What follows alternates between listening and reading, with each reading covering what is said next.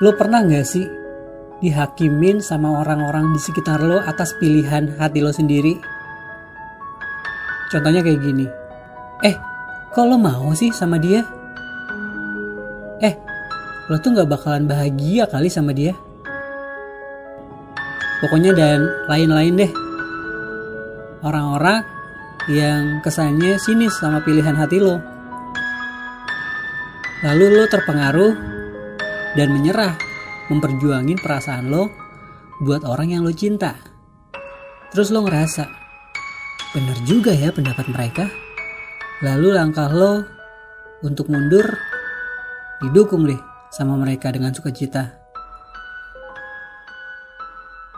Eh, tapi lo lupa esensi dari mencintai itu adalah bukan mereka yang ngerasain, bukan mereka juga yang ngejalanin, jadi, bukan mereka yang berhak mutusin yang terbaik buat lo jalanin.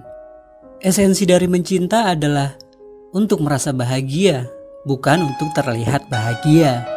Memperjuangkan hati si dia bukan memperjuangkan hati lingkungan sekitar lo. Menikmati pengorbanan bukan memaksakan pengorbanan. Orang yang beneran mencinta saat berjuang buat orang yang nggak bisa dimilikin pun akan tetap merasa bahagia loh. Orang yang gak benar-benar mencinta akan kebanyakan mikir untung ruginya, mungkin enggaknya. Pokoknya matematis lah. Apa-apa serba logika. Gini ya, algoritma cinta itu unik. Lo gak bisa compare apple to apple buat nyiptain pasangan yang harmonis dan bahagia. Dua orang dengan kesetaraan level IQ dan EQ, apakah menjamin langgengnya hubungan mereka? Ya enggak lah. Orang yang lebih cerdas, kaya, cakep, itu banyak. Tapi apa level kecerdasan, kekayaan, dan kecakapan setinggi itu akan selalu cocok untuk kita? Ya enggak juga lah.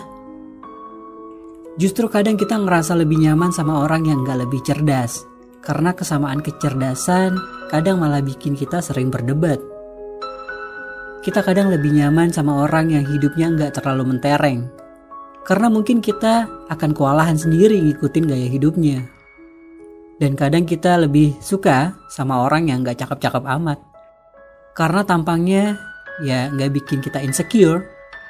Karena bakal ditaksir orang lain. Nah, kalau udah ngerti hal-hal semacam itu, artinya kita udah tahu apa yang kita butuhin. Akan selalu ada orang yang lebih ini itu di luar sana tapi belum tentu mereka menjadi pasangan yang lebih baik dari yang kita cinta. Kadang nih ya, segala kelebihan mereka cuma bakalan jadi bahan ketertarikan sesaat aja. Mencintai berdasarkan kebutuhan itu lebih indah, sedangkan mencintai berdasarkan kemauan itu bakal penuh dengan tekanan. Apalagi kalau mencintai berdasarkan kemauan orang lain. Semua yang kita lakuin akan berdasarkan penilaian orang lain lah, ngapain? Mending kita mencintai orang yang kita butuhin dibanding kita mencintai orang yang kita mau. Kita bisa aja bosan sama apa yang kita mau, tapi kita nggak akan bakalan lepas dari orang yang kita butuh. Jadi, silakan mencintai siapa pun, yang penting lo bahagia dan nyaman. Jangan biarin pendapat lingkungan lo jadi sebuah sandungan.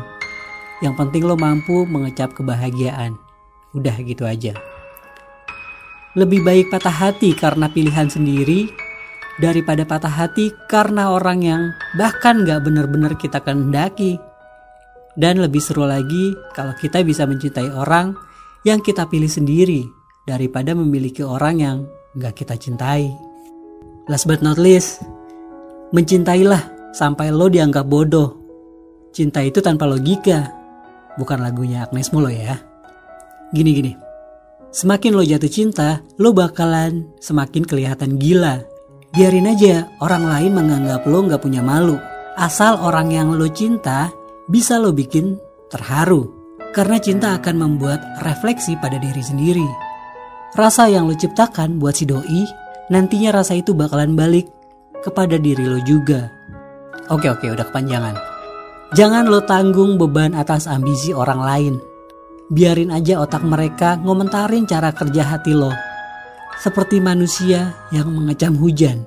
Di saat yang sama mereka nggak sadar bahwa air adalah sebuah kebutuhan.